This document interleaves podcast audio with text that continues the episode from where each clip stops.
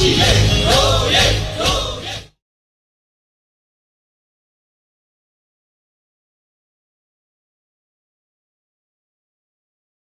အဲမင်္ဂလာပါဆရာရှင်ပထမဦးစွာတော့လေမင်္ဂလာပါ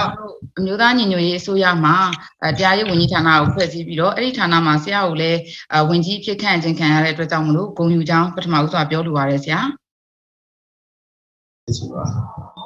အဲဒီအမျိုးသားညီညွတ်ရေးအစိုးရမှာတရားရေးဝန်ကြီးဌာနဖွဲ့စည်းလိုက်တယ်ပေါ့နော်ဖွဲ့စည်းပြီးတော့ဆရာလည်းအဲ့ဒီဌာနမှာတာဝန်ပေးရခြင်းခံရတယ်ပြည်ထောင်စုဝန်ကြီးအဖြစ်အဲ့ဒီပုံမှာဆရာရဲ့သဘောထားခံယူချက်ကလေးပထမဦးဆုံးအနေနဲ့သိလိုပါတယ်ဆရာဟုတ်ကဲ့ဟုတ်ကဲ့ပထမဆုံးချက်အနေနဲ့ကျွန်တော်ကိုဒီဝန်ကြီးဌာနဝန်ကြီးဖြစ်တဲ့ကျွန်တော်တို့ခန့်လိုက်တဲ့ပုံမှာ အာကျွန်တော်လည်းခံယူချက်တစ်ခုရှိပါတယ်တစ်ခုကတော့တော်လိုင်းရေးပုံမှာခံယူချက်ဖြစ်ပြီးတော့နောက်တစ်ခုကတော့လုပ်ငန်းပုံမှာခံယူချက်ဖြစ်ပါတယ်ဒီနှစ်ခုနဲ့ကျွန်တော်ဒီလုပ်ငန်းတာဝန်ကိုပြရတဲ့တာဝန်ကိုထမ်းဆောင်တာဖြစ်ပါတယ်တော်လိုင်းရေးပုံမှာခံယူချက်ကတော့ကျွန်တော်တို့အခုကျွန်တော်တို့ဖြစ်နေတဲ့တိုက်ပွဲကြီးကကျွန်တော်တို့ကျွန်တော်နိုင်ငံကိုဂုဏ်သိက္ခာတွေပြန်လဲပြီးတော့အဖတ်ဆယ်ဖို့နောက်တစ်ခုကတော့ကျွန်တော်တို့နိုင်ငံမှာရှိနေတဲ့နော်နောက်မှာလာကြမယ့်မျိုးဆက်သစ်တွေရဲ့ဘဝ အမတ်ခံခြင်းနဲ့လုံခြုံရေးရှိစေဖို့ဆိုတဲ့ခံယူချက်နဲ့ကျွန်တော်တို့ဒီတနက်တည်းများအားလုံးကျွန်တော်ပူးပေါင်းဆောင်ရွက်ကြရမယ်အားလုံးကျွန်တော်ပါဝင်ကြရမယ်ခုတနက်နေ့ဘက်ကတက်ကြွတဲ့ပညာရနဲ့ပါဝင်ကြရမယ်ဆိုတဲ့ခံယူချက်ပေါ်မှာအခြေခံပြီးတော့ကျွန်တော်မျိုးသားညီညွတ်ရေးအစိုးရကျွန်တော်တောင်းပေးတဲ့ပုံမှာကျွန်တော်ဒီတာဝန်ကိုလက်ခံတာဖြစ်ပါတယ်ဒါကကျွန်တော်တော်လိုင်းတစ်ခုလုံးပုံမှာခံယူတဲ့ခံယူချက်ဖြစ်ပါတယ်ဒုတိယကတော့ကျွန်တော်လုပ်ငန်းပုံမှာခံယူချက်နဲ့အာဒီတောင်ကိုကျွန်တော် အနေနဲ့လှိုက်လဲစွာအာကိုယူပြီးတော့လက်ခံတာဖြစ်ပါတယ်ဒုတိယဒီငါပုံမှာကျွန်တော်တို့ခံယူချက်ကပါလဲဆိုလို့ရှိရင်ကျွန်တော်တို့နိုင်ငံမှာရှိတဲ့လက်ရှိတရားစီရင်စနစ်ကအားလုံးတည်ထားပြီးသားဖြစ်တဲ့အတိုင်းပဲတရားစီရင်စနစ်ကြီးတစ်ခုလုံးကယိုယွင်းပျက်စီးနေတာပါဘလို့မှဖတ်ဆက်လို့မရအောင်ကျွန်တော်တို့ပျက်စီးနေတဲ့စနစ်ကြီးဖြစ်တယ်ပျက်စီးသွားပြီအဲဒါကြောင့်မို့လို့ဒီစနစ် တရားစီရင်စနစ်ပျက်စီးတဲ့အတွက်ကြောင့်မို့လို့လွတ်လပ်တဲ့တရားစီရင်စနစ်မရှိတော့ဘူးလွတ်လပ်တဲ့တရားရုံးတွေမရှိတော့ဘူးရည်ချင်းပြေဝတဲ့တရားသူကြီးတွေမရှိတော့ဘူးဒါကြောင့်မို့လူတူးကနေပြီးတော့ကျွန်တော်ဥပဒေနဲ့ပတ်သက်ပြီးတော့အမှန်အမှန်အခွင့်အရေးနဲ့တာဝန်တွေကိုဆုံးဖြတ်ဖို့နော်ခံယူတဲ့နေရာမှာအဲ့လိုအဆုံးဖြတ်ပေးရမယ့်တရားရုံးကပျက်စီးနေတဲ့အတွက်ကြောင့်မို့တရားရုံးပေါ်မှာယုံကြည်မှုမရှိတော့အဲ့ဒါကတရားရုံးပေါ်မှာယုံကြည်မှုမရှိဘဲနဲ့ ဘာဖြစ်နေလဲဆိုလို့ရှိရင်ငွေများတရားနိုင်ငွေပေးနိုင်မှနော်မှုနိုင်မယ်အစိုးရနဲ့ဖြစ်တဲ့မှုတောင်မှငွေပေးနိုင်မှုဆိုလို့ရှိရင်ထောက်ဆက်ခံရမယ်ငွေပေးနိုင်မှလွတ်မယ်ဒါတယောက်တည်းဖြစ်တဲ့ကိစ္စတောင်မှအဲဒီလောက်ဖြစ်နေတဲ့အတွက်ကြောင့်မို့လို့ကျွန်တော်ဘာတွေဖြစ်လာလဲဆိုလို့ရှိရင်မြန်မာနိုင်ငံဟာကျွန်တော်လူတွေရဲ့အချင်းစာရိတ္တနိုင်ငံသားတွေရဲ့အချင်းစာရိတ္တပျက်စီးသွားတယ်တရားရုံးမှာကျွန်တော်ဥပဒေနဲ့အညီ ခုခံချေပမယ်ဥပဒေနဲ့အညီအခွင့်အရေးတွေကိုမှန်မှန်ကန်ကန်နဲ့တောင်းဆိုမယ်ဆိုတဲ့စိတ်ထားတွေခံယူချက်တွေမရှိတော့ဘဲနဲ့တရားသူတရားလည်းပဲနော်ဒီလိုဥပဒေနဲ့မညီတဲ့လုပ်ရက်တွေလုပ်သလိုလူထုကလည်းပဲအဲ့ဒီပုံမှန်မူတည်ပြီးတော့ချက်ဆိုင်တာတွေပြပြလာအောင်ဒါကြောင့်မို့လို့ဒီလုပ်ငန်းတွေကိုဒီတရားစီရင်စနစ်ကြီးကိုပြန်လည်ပြီးတော့တက်မှတ်ဖို့တရားရေးမှန်တိုင်းကိုပြန်လည်ပြီးတက်မှတ်ဖို့ဆိုတဲ့ဒီမှန်းချက်နဲ့ဒီပဲချက်နဲ့အဲ့ခံယူချက်နဲ့ကျွန်တော်ဒီပေးရတဲ့ ကျွန်တော်တာဝန်ကိုကျွန်တော်လက်ခံခဲ့တာဖြစ်ပါတယ်ဒါကတော့ကျွန်တော်တို့ဒီဒီမှန်းချက်နှစ်ခုအပေါ်မှာအခြေခံပြီးတော့မြို့သားကျွန်တော်ညီညွတ်ရေးအစိုးရရဲ့တာဝန်ပေးချက်ကိုကျွန်တော်အနေနဲ့နော်အာယုံယုံကြည်ကြည်လေးလေးစားစားနဲ့လက်ခံခဲ့တာဖြစ်ပါတယ် ဟုတ်ကဲ့ပါဆရာကျေးဇူးတင်ပါတယ်ဆရာရဲ့တော်လန်ရေးပေါ်ခံယူချက်ကောလုပ်ငန်းပေါ်ခံယူချက်ကောတည်တည်ချာချာပြည့်စုံလေးရှင်းပြပြီးတဲ့အတွက်ကျေးဇူးတင်ပါတယ်ဆရာအဲဒုတိယမေကွန်းအနေနဲ့တော့ပေါ့နော်ဒီတရားရေးဝန်ကြီးဌာနဆိုတာကဒီကျမတို့ရှိမှဆိုလို့ရှိရင်ရခင်အစိုးရလက်ထက်တုန်းကမရှိခဲ့ဘူးပေါ့ဆရာရဲ့အခုအမျိုးသားညီညွတ်ရေးအစိုးရအဖွဲ့မှာတော့တရားရေးဝန်ကြီးဌာနအနေနဲ့အဲပါဝင်ဖွဲ့စည်းလာတယ်အဲဒီဝန်ကြီးဌာနအနေနဲ့ဘယ်လိုလုပ်ငန်းမျိုးတွေ အဲဆောင်ရွက်သွားပြီးတော့ဘယ်လိုမျိုးတွေချိတ်ဆက်ပြီးတော့လှုပ်ဆောင်သွားမလဲဆိုတာကျွန်တော်တို့ပြည်သူတွေကလည်းတော်တော်လေးသိကျင်နေကြပါတယ်ဆရာအဲအဲ့ဒီပုံမှာလည်းအဲဒီဘာတွေများဆရာတို့ဝန်ကြီးဌာနအနေနဲ့လှုပ်ဆောင်မယ်ဆိုတာလေးတွေကိုဆရာအနေနဲ့ပြောပြလို့အဆင်ပြေတယ်ဆိုရင်ပြောပြပါအောင်ဆရာ အာကျွန်တော်တော်လိုင်းရေးတစ်ခုတော်လိုင်းရေးတစ်ခုလုံးရဲ့အကြီးမချက်ကတော့အလုံးတည်ပြီးသားပါပဲကျွန်တော် Federal ပြည်ထောင်စုကျွန်တော်တို့เนาะဒီ Federal Democracy ပြည်ထောင်စုနိုင်ငံတော်ကြီးကိုတည်ထောင်မယ်ဆိုတဲ့ဒီမှန်းချ က်နဲ့ကျွန်တော်တို့အကောင့်ထဲပေါ်နေကြတယ်ကျွန်တော်တော်လိုင်းရေးလုပ်ငန်းတွေလုပ်ခဲ့ကြတယ်ဝန်ကြီးဌာနတွေဖွဲ့ကြတယ်လွတ်တော်တွေကိုဖွဲ့ကြတယ်အဲ့လိုလုပ်တဲ့နေရာမှာအဓိကချက်ကတော့ Federal ပြည်ထောင်စုကိုသွားဖို့အတွက်ဆိုလို့ရှိရင်ကျွန်တော်တို့ဒီအာဏာတွေဟာခွဲခြားထားခြင်းရှိရလိမ့်မယ် separation of power ဆိုတဲ့အာဏာတွေကိုခွဲခြားထားရလိမ့်မယ်အုပ်ချုပ်ရေးရလဲအုပ်ချုပ်ရေးအာဏာဥပဒေပြုရေးရလဲဥပဒေပြုရေးအာဏာတရားစီရင်ရလဲပဲတရားစီရင်အာဏာဆိုပြီးတော့ရှိရလိမ့်မယ်အခုကျွန်တော်တို့မြန်မာနိုင်ငံ မှာပြန်ကြည့်မယ်ဆိုလို့ရှိရင်တရားရုံးကိုတတ်မှတ်နိုင်တဲ့တဲ့တဲ့ဝင်ဝင်ထင်းချောင်းနိုင်တဲ့တက်မှတ်နိုင်တဲ့အင်အားတစ်ခုကပြောင်းနေတယ်အဲ့လိုပြောင်းနေတဲ့အတွက်ကြောင့်မို့တရားပြပြောမယ်ဆိုရင် check and balance ဆိုတဲ့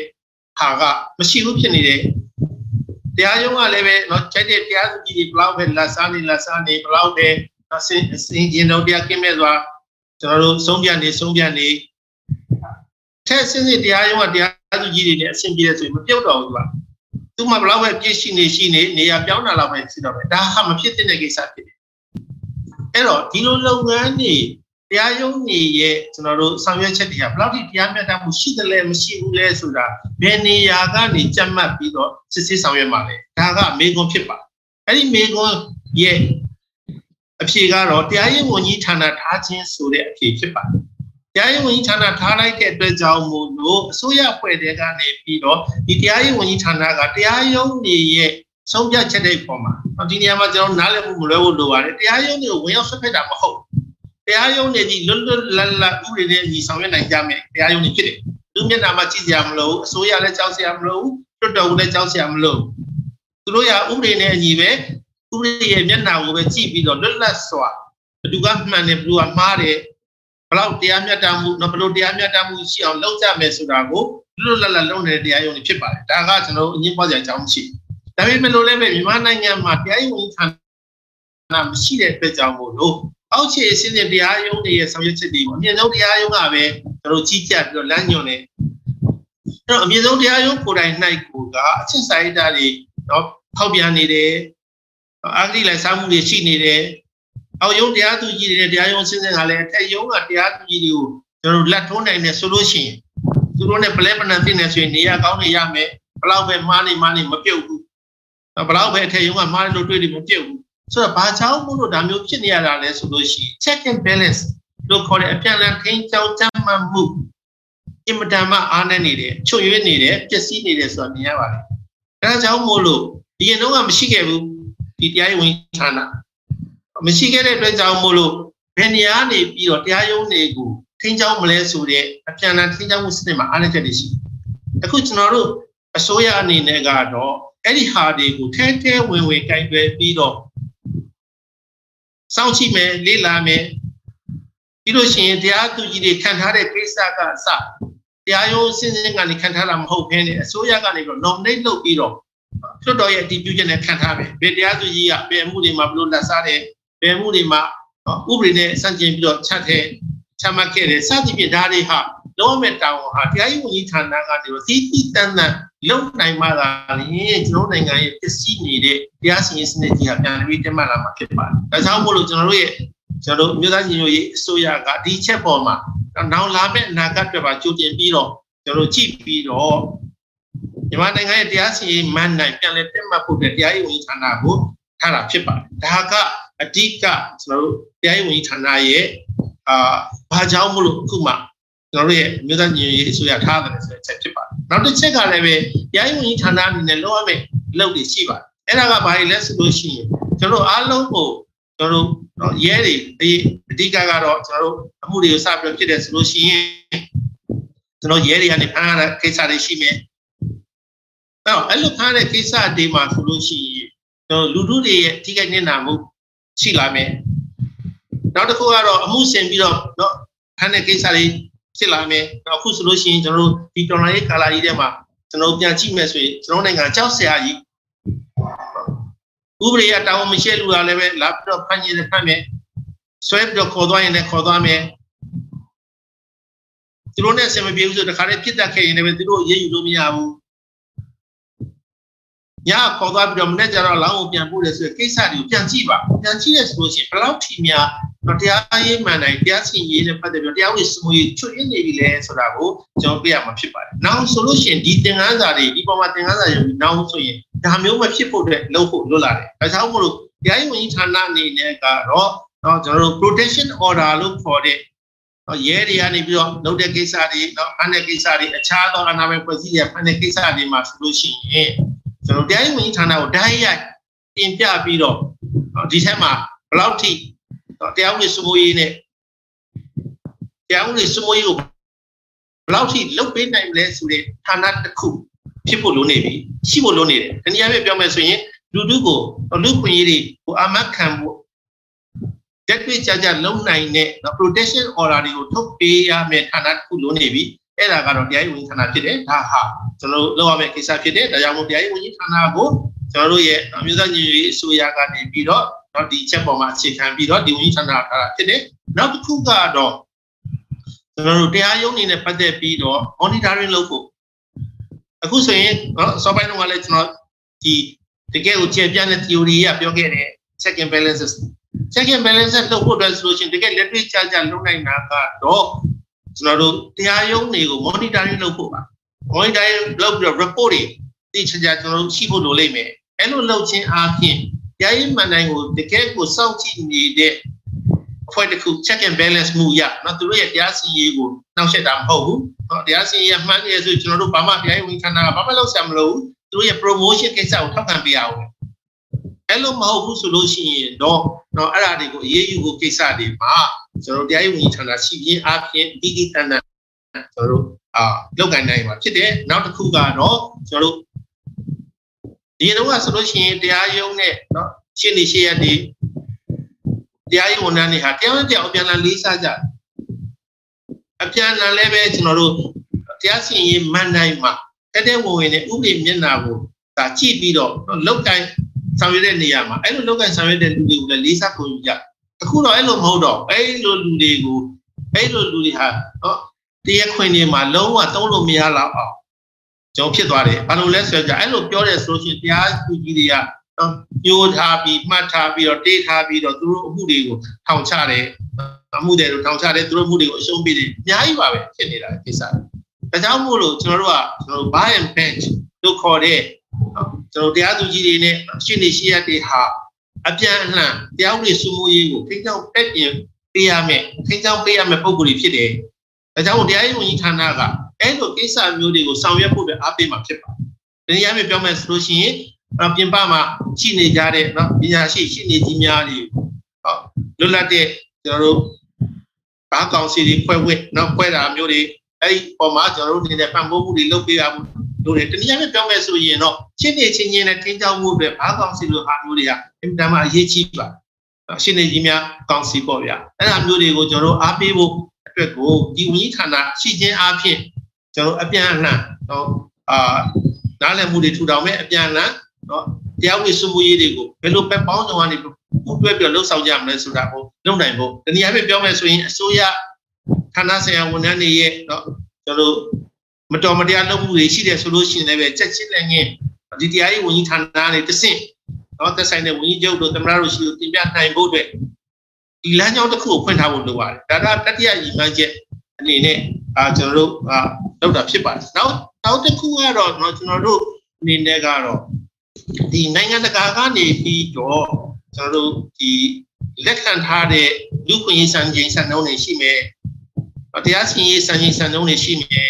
အဲ့ဒါတွေနဲ့ပတ်သက်ပြီးလို့ရှိရင်ကျွန်တော်တို့ဒီအစိုးရအနေနဲ့ပြည်ထောင်စုအစိုးရအနေနဲ့အဲ့ဒီလူခွင့်ရေးစံချိန်စံနှုန်းတွေကိုလက်ခံနိုင်ဖို့အတွက်အစိုးရကနေပြီးတော့ဆိုင်းလုပ်နိုင်ဖို့အတွက်ကိုဒီဝန်ကြီးဌာနကကမကထလုပ်ပြီးတော့တင်ပြဖို့လိုပါတယ်အပြင်ဘက်မှာရှိနေတဲ့ NGO တွေ CSO တွေနဲ့တော့တွဲဆုံဆွေးနွေးနိုင်တဲ့နေရာဟာဒီဝန်ကြီးဌာနဖြစ်ပါတယ်ဒီဝန်ကြီးဌာနကအစိုးရရဲ့ကိုစား ကျွန်တော်တို့ဝန်ကြီးဌာနဖြစ်တဲ့အတွက်ကြောင့်မလို့လူထုနဲ့တိုက်ရိုက်ထိတွေ့ပြီးတော့အဲ့လိုလုပ်ငန်းတွေတော့အဲ့လိုဥပဒေမျိုးတွေမှာပြင်ပမှာရှိနေကြတဲ့ပညာရှင်တွေ civil society ကပုံကိုယ်တွေဒီပုံကိုယ်တွေနဲ့လက်တွဲပြီးတော့ဆောင်ရွက်နိုင်ဖို့အတွက်ဒီဌာနကိုကျွန်တော်တို့တောင်းဖွင့်ရခြင်းတည်ထောင်ရခြင်းဖြစ်တယ်ဆိုတာကျွန်တော်အနေနဲ့ပြောချင်ပါတယ်နောက်တစ်ခုကတော့ကျွန်တော်တို့ဘာပဲပြောပြောကျွန်တော်တို့လာမယ့်ကျွန်တော်တို့ Federal Democracy နိုင်ငံတော်ကြီး မရောက်ခင်ဂျာကာလာမှာ transitional justice ဆိုတဲ့ဂျာကာလာတရားမျှတမှုရှာဖွေတဲ့နေရာမှာအစိုးရရဲ့ဘယ်အဖွဲ့အစည်းကနေပြီးတော့ကျွန်တော်တို့နော်ပါဝင်ဆောင်ရွက်မလဲဆိုလို့ရှိရင်တရားရေးဝန်ကြီးဌာနဒီ justice နဲ့ပတ်သက်ပြီးတရားမျှတမှုနဲ့ပတ်သက်ပြီးတော့အတိအကကျွန်တော်တို့တာဝန်ယူပြီးတော့ကျွန်တော်တို့အစိုးရကိုနော်ဝန်ကြီးအဖွဲ့တွေကိုဝန်ကြီးတွေကိုတင်ပြမယ်ကိစ္စဖြစ်တယ်လို့ရှိတယ်လို့ နော်ဝန်ကြီးတွေနဲ့လည်းပဲသက်ဆိုင်ဝန်ကြီးဌာနတွေလည်းပူးပေါင်းဆောင်ရွက်ရမှာဖြစ်ပါတယ်တရားမျှတမှုနဲ့ပတ်သက်တဲ့ justice ဆိုတဲ့ဥပဒေနဲ့ပတ်သက်တဲ့ကိစ္စကိုလုပ်ကိုင်ဆောင်ရွက်ဖို့အတွက်ဒီဝန်ကြီးဌာနကလိုအပ်ပါတယ်ဒါကြောင့်ဒီချက်တွေပေါ်မှာဒီချက်၅ချက်ပေါ်မှာအခြေခံပြီးတော့ကျွန်တော်တို့မြို့သားညီညွတ်ရေးအစိုးရဒီတရားရေးဝန်ကြီးဌာနကိုဖွဲ့စည်းခဲ့တာဖြစ်တယ်လို့ကျွန်တော်အဲ့လိုနားလည်ပါဟုတ်ကဲ့ပါဆရာကျေးဇူးတင်ပါ ဟုတ်ကဲ့ပါအဲဆရာဝင်းကြီးဌာနအစ်စ်ပေါ့နော်ဒီအစ်စ်အကြောင်းကိုဟိုအစ်စ်ရဲ့လှုပ်ဆောင်ချက်တွေကိုပေါ့လေဆရာရှင်းပြသွားတာတော်တော်လေးကိုပြည့်ပြည့်စုံရှိပါတယ်ကျေးဇူးအများကြီးတင်ပါတယ်ဆရာအဲနောက်ဆုံးမေးခွန်းလေးပါဆရာအခုဆိုလို့ရှိရင်ကျမတို့ဒီ စစ်ကောင်စီကပေါ့နော်စစ်ကောင်စီကအာဏာသိမ်းပြီးကြတဲ့ကပါပဲကျမတို့ပြည်သူတွေအပေါ်ကိုမတရားပြစ်ခတ်တပ်ဖြတ်တာတွေဖမ်းဆီးထောင်ကြတာတွေစတဲ့လူဆန်တဲ့လုပ်ရက်တွေကိုတောက်လျှောက်လှုပ်ဆောင်နေခဲ့တာဖြစ်ပါတယ်အဲအခုလက်တော်မှာဆိုရင်ပဲမင်းတပ်တို့ကြုံပြောတို့ပေါ့နော်အဲ့ဒီဒေသတွေမှာဆိုလို့ရှိရင်လည်းပြည်သူတွေကိုတရားမဲ့ပြုကျင့်မှုတွေဇက်တိုက်ကျူးလွန်နေတာတွေ့ရပါတယ်ဆရာဒီလိုလုပ်ရက်တွေနဲ့ပတ်သက်ပြီးတော့ဆရာတို့ဝင်ကြီးဌာနအနေနဲ့ဘာတွေဆက်လက်ဆောင်ရွက်သွားဖို့ရှိလဲဆိုတာလေးသိပြစီဆရာဟုတ်ကဲ့ပထမဆုံးချက်ကတော့ဒီလို ကျွန်တော်တို့အယံပရာနဲ့မင်းမဲ့ဇယိုက်ဆန်ဆန်လုပ်နေတဲ့ကိစ္စတွေပေါ့နော်အဲ့လိုလုပ်တဲ့ဟာကအခုဆိုလို့ရှိရင်နိုင်ငံတော်အဆင့်ကိုတော့ယူထားတဲ့ပုံကိုယ်တွေပေါ့နော်အာဏာသိမ်းပြီးတော့နိုင်ငံတော်အဆင့်ကိုယူထားတဲ့ပုံကိုယ်တွေတကယ်တမ်းဆိုလို့ရှိရင်ဒီစစ်တပ်တို့ရဲတို့တရားရုံးတို့ဆိုတာလူထုကိုကာကွယ်ပေးဖို့အဲ့လိုမဟုတ်ဘဲနဲ့အခုတော့လူထုကိုနှိပ်စက်ဖို့ရန်တရားတစ်ခုအနေနဲ့သူတို့တုံးနေတာဖြစ်တယ်ဒါကြောင့်မလို့အခုသူတို့လုပ်နေတဲ့လုပ်ရကအင်တာမကြောက်စရာကောင်းလူတွေဟာ နေပညာပြောက်ကြီးလန်းစာစားခြေဒီမျိုးကိုရောက်နေရတဲ့ဒေသတွေဖြစ်တယ်တော့ကူရမဲ့တော့ကဲရမဲ့ပုံကူတွေဖြစ်နေတယ်လူတို့ကအဲ့လိုခံစားနေရတယ်ဒါကြောင့်မို့လို့အချင်းချင်းတက်နိုင်သမျှတယောက်နဲ့တယောက်ပြပြမမနဲ့တက်တွဲပြီးတော့လုပ်နေရတယ်ဒါတောင်းမှပဲနော်ကျွန်တော်တို့လက်ထက်မှာအာဏာလည်းမရှိသေးဘူးလူတို့လက်ထက်မှာလက်နဲ့လည်းမရှိဘူးသူတို့ကိုသူတို့ပြန်လဲပြီးတော့ခုကတွန်းလှန်နိုင်ဖို့အတွက်ဘာမှမရှိသူတို့ကိုသူတို့ပြန်လဲပြီးတော့ကာကွယ်ဖို့အတွက်နိုင်ဖို့အတွက်ဘာမှမရှိ တစ်ဖက်ကလည်းပြန်ကြည့်မယ်ဆိုလို့ရှိရင်နိုင်ငံတော်ရဲ့ဒီရန်တရားပေါ့နော်ရန်တရားကြီးတစ်ခုလုံးကိုအဓိကအားဖြင့်တော့စစ်တပ်နဲ့ပတ်သက်တဲ့ရန်တရားရန်နဲ့ပတ်သက်တဲ့ရန်တရားတရားစီနဲ့ပတ်သက်တဲ့ရန်တရားကြီးကိုသူတို့ကကင်ပြီးတဲ့အခါကျတော့ state terrorism လို့ခေါ်တဲ့အကြမ်းဖက်ဝါဒနိုင်ငံတော်အကြမ်းဖက်ဝါဒကိုသူတို့ကိုယ်တိုင်ကျင့်သုံးနေတယ်လူထုမှာအင်မတန်မှသနာစရာကောင်းတဲ့လူတို့မှမျက်ရည်သူတို့အာဏာသိမ်းတဲ့ချင်းရဆပြီးတော့မျက်ရည်ကြီးငယ်ကြားခဲ့ရပြီး အခုလည်းပြီးတာဆိုမပြီးသေးဘူးဒါကြောင့်မို့လို့အဲ့ဒါတွေအားလုံးဟာဘယ်မှာဖြေသွားရှာမလဲဆိုလို့ရှိရင်ဥပဒေစကားဆိုရစကားခုရှိပါတယ်အဲ့ဒါမှလည်းဆို justice must be done ဆိုတဲ့စကားလုံးမှာတရားမျှတမှုကရှိကိုရှိရလေရကိုရလေအနေနဲ့မြန်မရှိဒီမတရားလုပ်တဲ့လူတွေကိုတရားသဖြင့်နဲ့ကျွန်တော်တို့ပြစ်ပေးရေးယူတဲ့ဟာကမဖြစ်နော်မလုပ်မဖြစ်ဖြစ်ကိုဖြစ်ရမယ်လုပ်ကိုလုပ်ရမယ်ရကိုရမယ်ကိစ္စဖြစ် အဲ့ဒါကြောင့်မို့လို့အခုဖြစ်နေတဲ့ဂျုံပြောကိစ္စတို့မင်းတပ်ကိစ္စတို့နော်ကြားပြည်နယ်မှာဖြစ်တဲ့ကိစ္စတို့အင်တန်မှဆိုးရတယ်ဒါတွေကိုဒီတိုင်းမဲ့ကျွန်တော်တို့ကလက်ပိုက်ကြည့်နေရမှာလားဒါတွေကိုကျွန်တော်မသိကျိုးကျင်ပြုနေရမှာလားမဟုတ်ပါဘူးတစ်ချိန်ချိန်မှာတော့အပြစ်ရှိတဲ့လူကိုထိုက်တန်တဲ့အပြစ်ပေးနိုင်အောင်ဒီကျွန်တော်တို့ကြိုးစားမှာဖြစ်တယ်ကျွန်တော်တို့ကမှာဖြစ်တယ်ဥပဒေစကားနော်ဆိုရစကားခုရှိတယ် justice must be done ဖြစ်ကိုဖြစ်ရလိမ့်မယ်လောက်ကိုလောက်ရလိမ့်မယ်အပြစ်အခုကျွန်တော်တို့ဘာလို့နိုင်တယ်လဲဆိုလို့ရှိရင်တော့ အခုလက်ရှိအနေထားမှာကျွန်တော်တို့ဒီအဲ့လိုဖြည့်ဆည်းခံရတဲ့ဟာတွေနော်ဖြည့်ဆည်းခံတဲ့ပုံကိုယ်တွေမတရားဖန်သွားတဲ့ကိစ္စတွေညခေါ်သွားပြီးမနေ့ကလောင်းပို့တဲ့ကိစ္စတွေကျော်ကျွန်တော်တို့ဒီအာရမပြုခြင်းနဲ့နော်မရင်းပြုခြင်းတဲ့ကိစ္စတွေပစ္စည်းတွေလူရသွားတဲ့ကိစ္စတွေအဆုံးပါပဲအဲ့ဒီကိစ္စတွေကိုတန်းနိုင်သလောက်ကျွန်တော်မှတ်တမ်းမှတ်ရည်ထားဖို့လိုပါလေအဲ့လိုမှတ်တမ်းမှတ်ရည်ယူထားဖို့အတွက်လည်းပဲကျွန်တော်ဥပဒေမြန်မာနိုင်ငံမှာကျွန်တော်ပြင်ပမှာရှိနေတဲ့ ပညာရှိရှိနေတယ်အများကြီးရှိပါတယ်အခုဆိုလို့ရှိရင်တရားရုံးတွေမှာကျွန်တော်တို့เนาะကိုဗစ်ဆန်ကိုစိုက်ထုတ်ပြီးတော့အလကားလိုက်ပေးနေတဲ့တကယ့်ကိုနှမုံမြတ်တဲ့လုပ်ငန်းကိုလုပ်နေတဲ့ရှိနေတယ်အများကြီးပါမြန်မာနိုင်ငံမှာအများကြီးရှိတော့သူတို့တို့သူတို့နဲ့တော့ဆက်သွယ်ပြီးတဲ့အခါကျတော့အဲ့ဒါတွေကိုမှတ်တမ်းမှတ်ရယူရတယ်အဲ့ဒီပြင်နောက်မှာပေါ်လာမဲ့ကျွန်တော်တို့ပြည်သူစီမံခန့်ခွဲရေးအဖွဲ့တွေကလည်းပဲအဲ့မှတ်တမ်းမှတ်ရယူပြီးတဲ့အခါကျတော့ကျွန်တော်တို့ဒီ ကျွန်တော်တို့ရဲ့လွတ်မြောက်နယ်မြေချက်နိုင်ရင်ချက်နိုင်တော့လွတ်မြောက်နယ်မြေတွေကိုချက်သွားမယ် PDF တပ်ဖွဲ့တွေနဲ့ကျွန်တော်တို့တိုင်းသားလက်ကိုင်တပ်ဖွဲ့တွေနဲ့ပူးပေါင်းပြီးတော့လွတ်မြောက်နယ်မြေတွေကိုချက်သွားမယ်အဲ့လိုချက်သွားပြီးလို့ရှိရင်ချက်နိုင်တယ်များချက်သွားပြီးလို့ရှိရင်ကျွန်တော်တီးတန်တရားရုံးတွေထူထောင်ပြီးတော့ခုနကတုန်းကနောက်ဆက်ချက်စီတပ်ဖြတ်လူရဲ့မရင်းချင်းနဲ့မရင်းကောင်တွေလူသားသမားတွေပစ္စည်းလူတဲ့ပုံကိုယ်တွေကိုကျွန်တော်တို့ဖန်ဆီးရေးယူပြီးတော့တရားဆွဲဆိုပြီးတော့ထိုက်ပြင်းတဲ့ပြည်တယ်ပေးရမှာဖြစ်ပါတယ် ဒါကြောင့်မလို့အခုမှအခုချိန်မှာဆိုလို့ရှိရင်ကျွန်တော်တို့ကျွန်တော်တို့ဒီတရားရေးဝန်ကြီးဌာနအနေနဲ့တစ်ဖက်ကလည်းပဲပြည်ရေးဝန်ကြီးဌာနရှိတယ်နောက်အခြားတစ်ဖက်ကလည်းပဲကျွန်တော်တို့လူခွင့်ဝန်ကြီးဌာနပါရှိတဲ့အတွက်ကြောင့်လို့ကျွန်တော်တို့အချင်းချင်းကြားထဲမှာဒီလိုရှိနေတဲ့ဒီလိုဖြစ်ဖြစ်နေတဲ့ဖြစ်ပျက်တွေကိုသိသိချာချာတစ်ခုမှမကြံရအောင်မှတ်တမ်းမှတ်ရတယ်ယူထားဖို့လိုပါလေအဲဒါကြောင့်မလို့ပြည်တွင်းတရားရုံးတွေထဲမှာတရားစွဲမယ်ဆိုလို့ရှိရင်လည်းတရားစွဲမယ်နောက်တစ်ခုကတော့ ICC လို့ခေါ်တဲ့ International Criminal Court ကိုလည်းပဲကျွန်တော်တို့ တင်ပို့ပြီးတရားစွဲနိုင်ဘာလို့လဲဆိုတော့သူတို့လုပ်တဲ့လုပ်ရက်တွေဟာတခုတော့ပထမဆုံးချက်ကတော့စနစ်တကျစီမံပြီးတော့လုပ်တဲ့လုပ်ရက်တွေဖြစ်တယ်မတော်တဆတိုက်ဆိုင်ပြီးဖြစ်သွားတဲ့ကိစ္စတွေကိုမဟုတ်ဒီနေရာတွေမှာဒီလိုလုပ်တာဟာစနစ်တကျကျွန်တော်စီမံပြီးတော့လုပ်တဲ့ကိစ္စတွေဖြစ်တယ်ရန်ကုန်တို့မန္တလေးလူကြီးပေါ်မှာလည်းပဲအတူတူပဲပါလည်းပဲအတူတူပဲနောက်တစ်ခုကတော့အဲ့လိုဖြစ်တဲ့ဖြစ်ရတဲ့ဟာတနိုင်ငံလုံးမှာဖြစ်နေတာတနေရာထဲမှာပတ်ဖြစ်နေတာမဟုတ် ဒါကြောင့်မို့လို့စနစ်တကျလုပ်တဲ့ကိစ္စလည်းဖြစ်တယ်တနိုင်ငံလုံးတိုင်းတာနဲ့လုပ်တဲ့ကိစ္စလည်းဖြစ်တဲ့အတွက်ကြောင့်မို့လို့သူရဲ့လုံးရက်ဒီဟာကျွန်တော် site လို့ခေါ်တဲ့လူမျိုးလုံးတက်ပြတ်မှုကိုကျူးလွန်ရရောက်ပါတယ်ဒါကြောင့်မို့လို့နိုင်ငံတကာနဲ့ပူးပေါင်းပြီးတော့အဲ့လိုပုံကိုယ်တွေကိုနိုင်ငံတကာ ICC တရားရုံးမှာရသလောက်ကျွန်တော်ထွက်လာလို့ရှိရင်ကျွန်တော်တို့အမှစီးမယ်လောက်ထားမယ်လုပ်ပြီးလို့ရှိရင်ဒီတွင်းထဲမှာတရားမစင်တရားစစ်စစ်စီရင်မပြုတ်နိုင်သေးဘူးဆိုရင်တောင်မှ ရေးကြည့်တဲ့ခုနပြောတဲ့တာဝန်ရှိတဲ့ပုံကိုယ်ကြီးတွေကိုဖမ်းပြီးတော့ပြည်ပြည်ဆိုင်ရာကြာစုခွင့်ရုံးမှာတရားစွဲနိုင်ဖို့ကိစ္စတွေကိုလည်းပဲကျွန်တော်လုပ်ကြမှာဖြစ်ပါတယ်ဒါကတော့ခုနကနော်မေကွန်ပေါ်မှာဂျုံမြော်ကိစ္စတို့မင်းတပ်ကိစ္စတို့တရားပြည်နယ်မှာဖြစ်တဲ့ကိစ္စတို့ရှင်ပြည်နယ်မှာဖြစ်တဲ့ကိစ္စတို့အဲ့လိုကိစ္စတွေဟာကျွန်တော်တို့ပြီးပြောက်မသွားပါဘူး justice must be done ဆိုတဲ့ဟာနဲ့အညီတရားပြတ်တတ်မှုရရှိနိုင်ဖို့အတွက်ကျွန်တော်တို့အစိုးရကနေပြီးတော့မြို့သားညီရေးဆိုကနေပြီးတော့ဂျိုးပန်းဆောင်ရွက်သွားမှာဖြစ်တယ်လို့ကျွန်တော်ပြောချင်ပါတယ် အဲဒီဆက်လက်ဆောင်ရွက်မဲ့ကိစ္စတွေကိုလည်းပြည့်စုံဖြစ်သွားပြီလားကျေးဇူးတင်ပါတယ်ကျမတို့အဲ PVTV ကိုပေါ့နော်ဒီလိုအချိန်ပေးပြီးတော့ဆရာဖြေရှားပေးတဲ့အတွက်ကြောင့်မလို့အရင်ကျေးဇူးတင်ပါတယ်ဒါအပြင်ဆရာရဲ့တရားရေးဝန်ကြီးဌာနလုပ်ငန်းတွေလည်းအဲအများကြီးပဲဆက်လက်ပြီးတော့အောင်မြင်ပါစေလို့ဆန္ဒပြုပါတယ်ဆရာကျေးဇူးတင်ပါတယ်ကျေးဇူးများတင်ပါတယ်